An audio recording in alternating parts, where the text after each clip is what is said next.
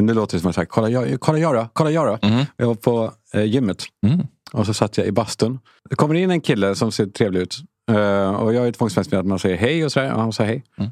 Eh, och så satt vi och frustade lite grann. Helt nakna eller lite sån eh, duk runt Nej, jag- livet? Nej, jag jag eh, brukar bara korsa benen lite grann och dölja lite grann. Han satt naken. Mm. Bresade. Namnskog-vinkel på manspreaden. Ja, exakt. Ja. Eh, men så ehm, eh, då fick jag lite tanke att det är ju någonting med två snubbar som sitter i bastu. Att det, Mm. eh, man är grabbar. Man Mm. sitter där. Och så, så tänkte jag, för jag ville gå ut men jag eh, kunde inte göra det. För det gör man inte. Man vill inte ge sig.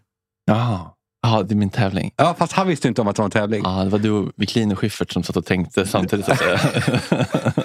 Men så, efter mycket stånkande och frustande så gick han. Och då sa jag, fan nu släpper jag efter för den här impulsen. Och så, och så lät jag. Och han vände sig om långsamt.